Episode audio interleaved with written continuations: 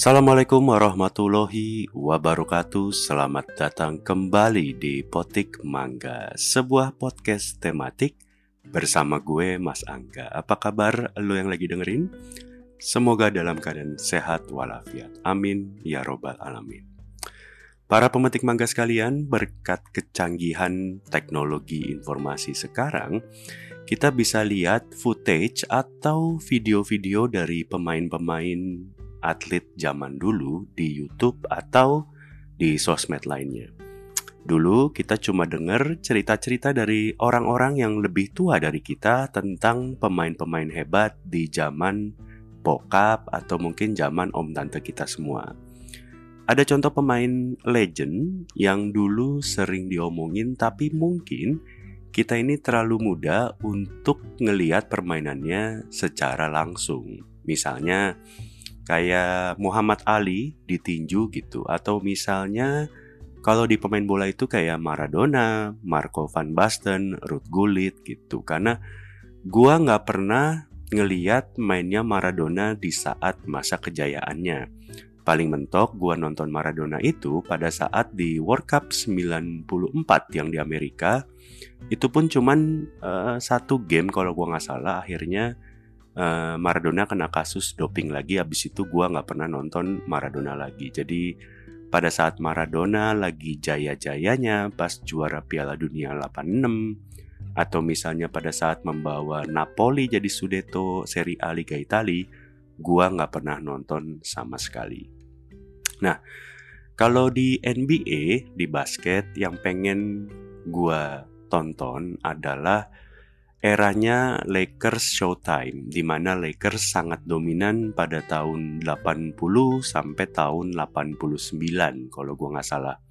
Itu adalah sebuah era di mana Karim Abdul-Jabbar, Magic Johnson dan James Worthy dan lain-lainnya itu konon mereka membuat sebuah pergerakan, sebuah masa di mana uh, hal tersebut mengubah NBA. Sebuah hal yang mengubah NBA bisa jadi sebuah industri olahraga dan hiburan kayak sekarang ini.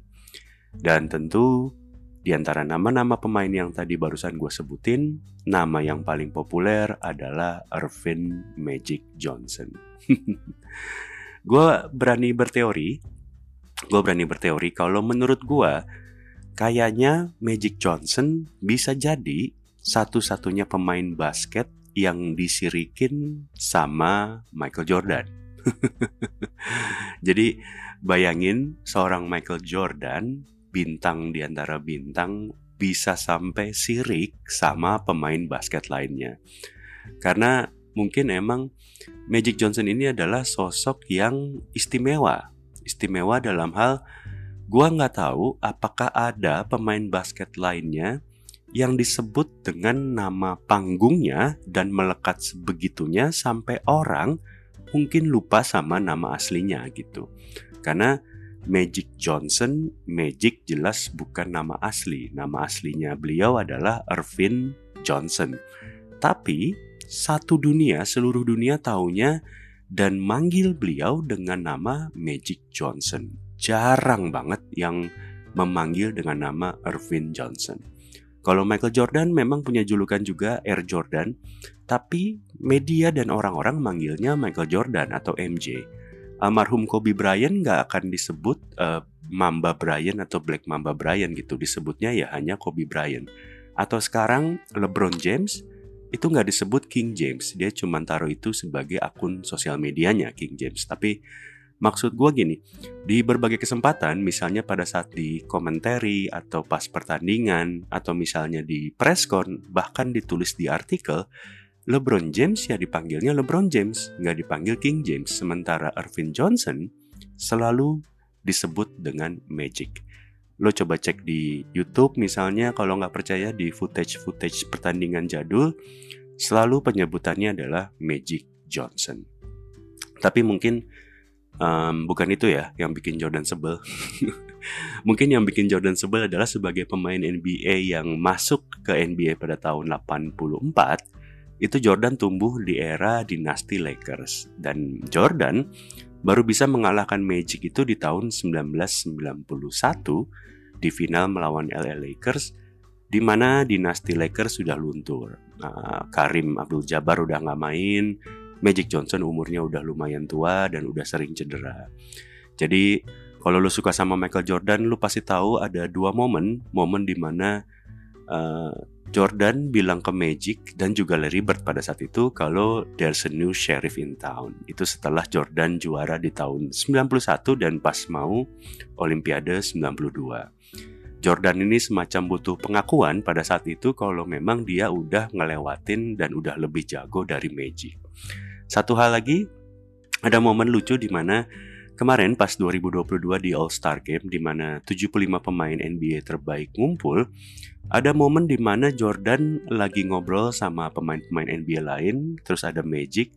Tiba-tiba Jordan bilang sambil nunjuk ke Magic, "This old dog right here, how about one on one you and me right now?" ditantang main basket one on one ya Magicnya sih cengar-cengir, cengangas-cengengis ala Magic Johnson lah kalau lo tahu dia kan semang gayanya cengar-cengir, cengangas-cengengis ya. Tapi intinya gini, intinya di antara seluruh pemain NBA, Michael Jordan sang pemain terbaik sepanjang masa kayaknya don't give a shit about anyone else but Magic. kalau lu udah nonton uh, dokumenternya Michael Jordan, The Last Dance, yang isinya uh, eh, 100% tentang bagaimana Michael Jordan dan Chicago Bulls mendominasi tahun 90-an. Nah, Magic Johnson juga punya dokumenter yang mirip, walaupun nggak sebagus The Last Dance tentunya. Karena menurut gua, sampai sekarang ini The Last Dance adalah dokumenter olahraga basket paling bagus. Glorifikasinya nggak nanggung-nanggung. Tapi Magic Johnson juga punya tayangan dokumenter yang sejenis. Bahkan di tahun ini 2022, Magic Johnson dan LA Lakers di tahun 80-an punya dua tayangan sekaligus. Pertama, kalau lu pengen nonton dokumenter ala The Last Dance, maka lu bisa nontonnya di Apple TV. Judulnya They Call Me Magic. Itu ada empat episode dokumenter resmi tentang Magic Johnson. Ada semua pemain yang main bareng ditanyain komen uh, tentang Magic Johnson. Ada para pelatih, sampai para rival macam Michael Jordan pun ada buat kasih opini tentang Magic Johnson. Ya secara dokumenter memang gaya-gayanya mirip lah sama The Last Dance. Ceritanya pun runut. Mulai dari kecil, kemudian SMA, kuliah, jago basket di draft sama Lakers, kemudian dinasti tahun 80-an, sampai akhirnya Magic Johnson pensiun dini karena positif HIV dan akhirnya menjadi salah satu pengusaha yang sukses sampai sekarang. Nah, bicara soal pengusaha, agak loncat dikit dari basket, Magic Johnson itu adalah salah satu orang yang di awal invest di Starbucks sampai punya 125 gerai Starbucks di Amerika pada tahun 90-an. Jadi konon, Magic Johnson ini adalah salah satu orang yang berjasa membuat Starbucks bisa sampai ke pelosok-pelosok kota kecil di Amerika. Karena sebelumnya Starbucks itu cuma ada di kota-kota gede doang. Konon sih demikian. Jadi bukannya Magic ya yang bikin Starbucks gitu, bukan Magic Johnson yang bikin Starbucks. Jadi Starbucks sudah ada. Nah, Magic Johnson invest supaya Starbucks bisa ekspansi ke kota-kota kecil di Amerika. Tapi pada tahun 2010 kalau gua nggak salah, seluruh saham Magic Johnson, eh, seluruh saham Starbucksnya Magic Johnson itu dilepas. Konon beliau untung 100 juta dolar dari melepaskan saham tersebut buat Magic pribadi. Nah, balik ke tayangan, kalau lo mau tahu bagaimana versi resmi dokumenter tentang kehidupan Magic Johnson, maka They Call Me Magic di Apple TV adalah tayangan yang tepat buat lo tonton. Nah, kalau tayangan yang kedua, ini gue jujur lebih suka, gue lebih favorit sama tayangan yang kedua ini. Ini rilis juga di tahun ini 2022. Ini bisa lo tonton di HBO Go, judulnya Winning Time: The Rise of Lakers Dynasty. Ini baru ada satu season, total ada 10 episode. Jadi ini adalah sebuah serial uh, tentang bagaimana Lakers juara di tahun 80, tahun pertamanya Magic Johnson di NBA.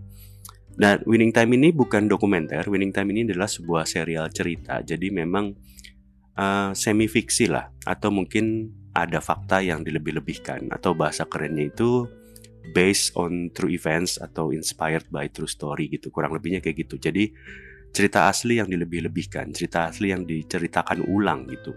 Karena memang serial ini diperankan oleh aktor. Jadi bukan dokumenter yang main Magic Johnson atau para pemain lainnya. Tapi ini adalah serial tentang Lakers di mana yang main uh, para aktor. Um, sebagai gambaran kalau lu mungkin gak kebayang ini mirip kayak atau sama kayak film Indonesia tuh misalnya Habibi Ainun. Yang mainin kan bukan Pak Habibi tapi Reza Rahadian kurang lebihnya kayak gitu. Atau kalau di Hollywood tuh film kayak Bohemian Rhapsody film tentang Queen yang main kan Rami Malek jadi Freddie Mercury. Nah di sini yang main jadi Magic Johnson itu aktor namanya Quincy Isaiah gua juga nggak tahu dia sebelumnya main apa nggak hafal tapi intinya gini gue gue lebih suka sama Winning Time Kenapa? Karena memang Winning Time ini adalah sebuah serial, sebuah cerita gitu. Jadi lebih menarik ketimbang dokumenter. Dokumenter itu kan treatment dan pembawaannya beda ya sama film karena dokumenter itu isinya fakta dan orang-orang yang berbicara adalah orang-orang yang sebenarnya.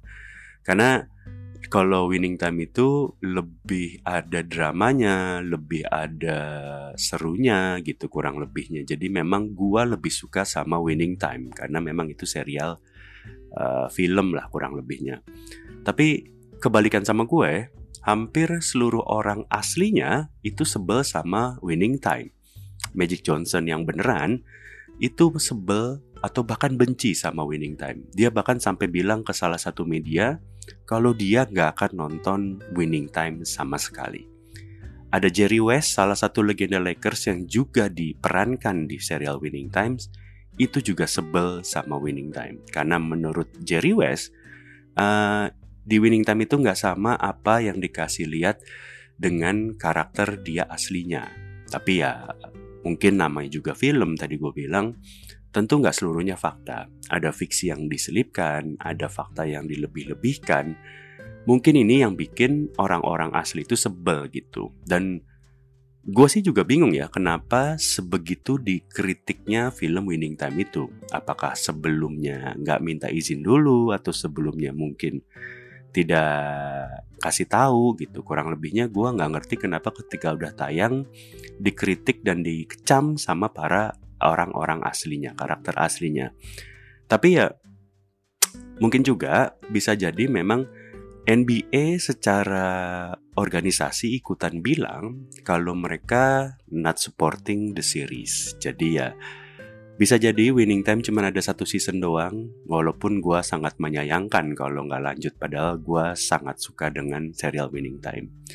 Jadi kalau um, Winning Time ini kalau secara uh, cerita gue ceritain coba sedikit itu sebenarnya secara tokoh utamanya itu lebih dari sisi Jerry Bass. Jerry Bass itu Dr. Jerry Bass itu adalah orang yang ngebeli Los Angeles Lakers di tahun 1980 dan langsung ngebawa Lakers jadi juara. Jadi Lakers yang sekarang ini kan yang punya itu namanya Jenny Bass. Jenny Bass itu anaknya Jerry uh, Jenny Bass juga ada di serial itu.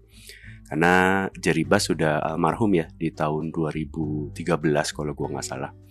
Jadi ceritanya si Jerry Bass ini uh, dia semacam apa ya uh, jadi gini um, sebelum tahun 80-an NBA itu nggak ada yang nonton sepi penonton nggak laku dijual sebagai bisnis. Jadi orang-orang sana mungkin lebih suka baseball lebih suka American football NBA itu olahraga kelas 3, kelas 4 gitulah kurang lebihnya. Nggak ada yang nonton, nggak laku dijual.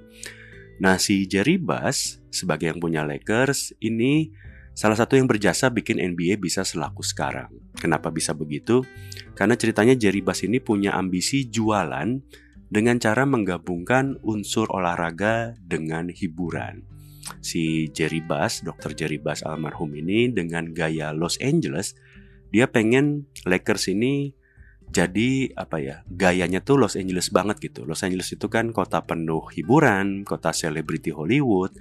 Beliau adalah salah satu yang pertama bikin halftime show pakai sexy dancer. Dulu sebelum ada sexy dancer atau apa sih Laker Girls itu cuman apa kayak cheerleader atau mungkin tari-tarian yang kurang menghibur dianggapnya oleh Jerry Bass. Jadi Jerry Bass ini pengen gimana caranya bisa bikin atmosfer stadion itu nggak ngebosenin. Ya dia pikir salah satu caranya dengan menggunakan sexy dancer karena konon Jerry Bass itu deket sama uh, Hugh Hefner. Hugh Hefner itu yang punya Playboy. Jadi ya Jerry Bass pengen membawa atmosfer Playboy kurang lebihnya ke dalam stadion LA Lakers. Tapi intinya Jerry Bass ini pengennya Lakers itu menghibur secara permainan di lapangan dan juga secara tontonan supaya fans bisa datang. Jadi selain menjadi Lakers juara, di sisi lain penonton yang ada juga terhibur gitu dan endingnya tentu dengan prestasi dan hiburan yang diberikan, ya tentu cuan-cuan-cuan. Jadi kalau lo sekarang nonton NBA di tahun 2022 ini ada hiburan, ada band, ada musik, ada dancer. Ya konon awalnya karena Jerry Bass dan Los Angeles Lakers di tahun 1980-an. Dia pengen Lakers punya gayanya gaya Los Angeles, bisa lain daripada yang lain.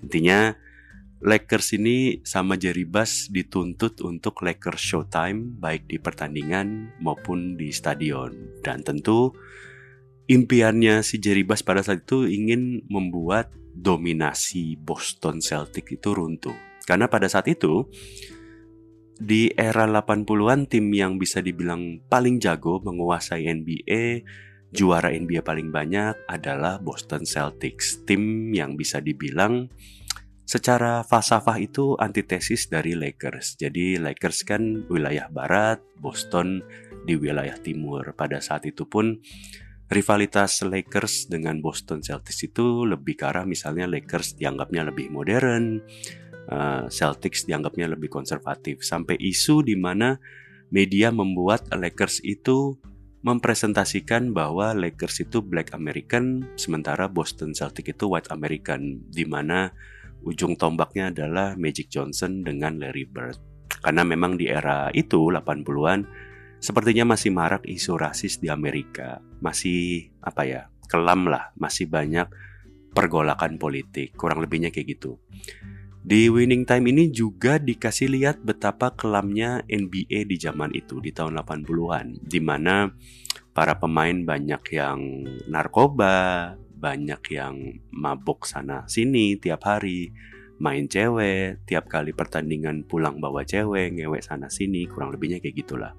Ya termasuk dikasih lihat bagaimana Magic Johnson dengan gaya hidup liar ala Los Angeles di tahun 80-an jadi ya konon yang bersih di antara semua pemain Lakers adalah Karim Abdul Jabbar ya subhanallah ya. Artinya memang itu tadi dari yang semua yang kalau lu nonton The Last Dance itu kan Michael Jordan juga ditanya dulu zaman itu narkoba apakah lu ikut narkoba? Nah Michael Johnson eh Michael Johnson Michael Jordan bilang kan dia nggak ikutan. Nah di sini pun ceritanya ada gimana orang-orang pemain-pemain itu akrab dengan dunia malam akrab dengan narkoba alkohol eh, cewek dan seterusnya dan seterusnya tapi ya emang yang tadi gue bilang Winning Time ini baru satu season dan secara timeline, secara cerita baru sampai di akhir musim 80 di mana Lakers juara untuk kali pertama di era Magic Johnson dan Dr. Bass. Artinya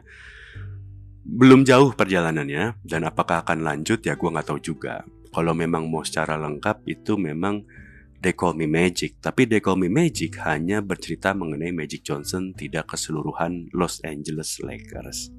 Tapi intinya gini, um, para pemetik mangga sekalian, aku pengen bilang ke lu semua kalau dulu sebelum eranya LeBron James, sebelum eranya Stephen Curry, bahkan sebelum eranya Kobe dan bahkan sebelum eranya Michael Jordan, di mana NBA masih kacrut, masih sepi penonton, belum sekomersil sekarang, hadirlah Dr. Jerry Bass dengan pemikiran visionernya di tahun 80-an buat bikin Showtime Lakers dengan punggawa paling ngetopnya adalah Magic Johnson. Um, rivalitas Magic Johnson dengan Larry Bird itu memang uh, selalu jadi bahan media ya pada saat itu ya. Macam media sekarang ini kalau lo tahu membuat rivalitas antara Messi sama Ronaldo di bola gitu ya. Mungkin dulu di era itu ya di NBA ya Magic and Bird gitu. Gua tahu mungkin episode ini terlalu seolah-olah uh, apa ya pelajaran sejarah, karena apa namanya mungkin terlalu banyak membahas sesuatu yang terjadi di masa lalu. Tapi memang gue cuman bilang kalau lu mau nonton sebuah peristiwa di masa lalu yang mungkin nggak terlalu sejarah-sejarah amat, tapi tentunya bukan fakta-fakta amat juga, silakan lu tonton Winning Time di HBO Go, HBO Go. Tapi ingat itu semua uh, nggak 100% fakta, ada fiksinya lah. Tapi kalau lo mau tahu yang sejarah yang benar-benar diceritakan oleh orang aslinya, itu silakan lo tonton They Call Me Magic yang ada di Apple TV. Um, episode ini uh, rencananya akan tayang pada tanggal 14 Agustus. Jadi hari ini Magic Johnson ulang tahun ke-63. Selamat ulang tahun Magic Johnson ke-63. Gua nggak yakin akan ada pemain yang bisa sefenomenal Magic Johnson lagi di era modern gua sangat tidak yakin akan ada pemain yang dipanggil dengan nama panggungnya, bahkan lebih terkenal dengan nama panggungnya ketimbang nama aslinya gitu. Sungguh disayangkan gue terlalu muda untuk bisa nonton eranya Magic Johnson, Karim Abdul-Jabbar, dan seluruh pemain Lakers di era kejayaannya. Ya nontonnya di YouTube-YouTube aja ya berarti. Intinya Um, selamat ulang tahun Magic Johnson. Hari ini 14 Agustus uh, 2022 ulang tahun ke-63. Buat lo semua yang mendengarkan episode ini, silakan menonton uh, They Call Me Magic di Apple TV atau Winning Time di HBO Go untuk lebih tahu tentang Lakers dan era Showtime. Itu aja dari gua hari ini. Sampai jumpa di episode lain dari Potik Mangga. Assalamualaikum warahmatullahi wabarakatuh.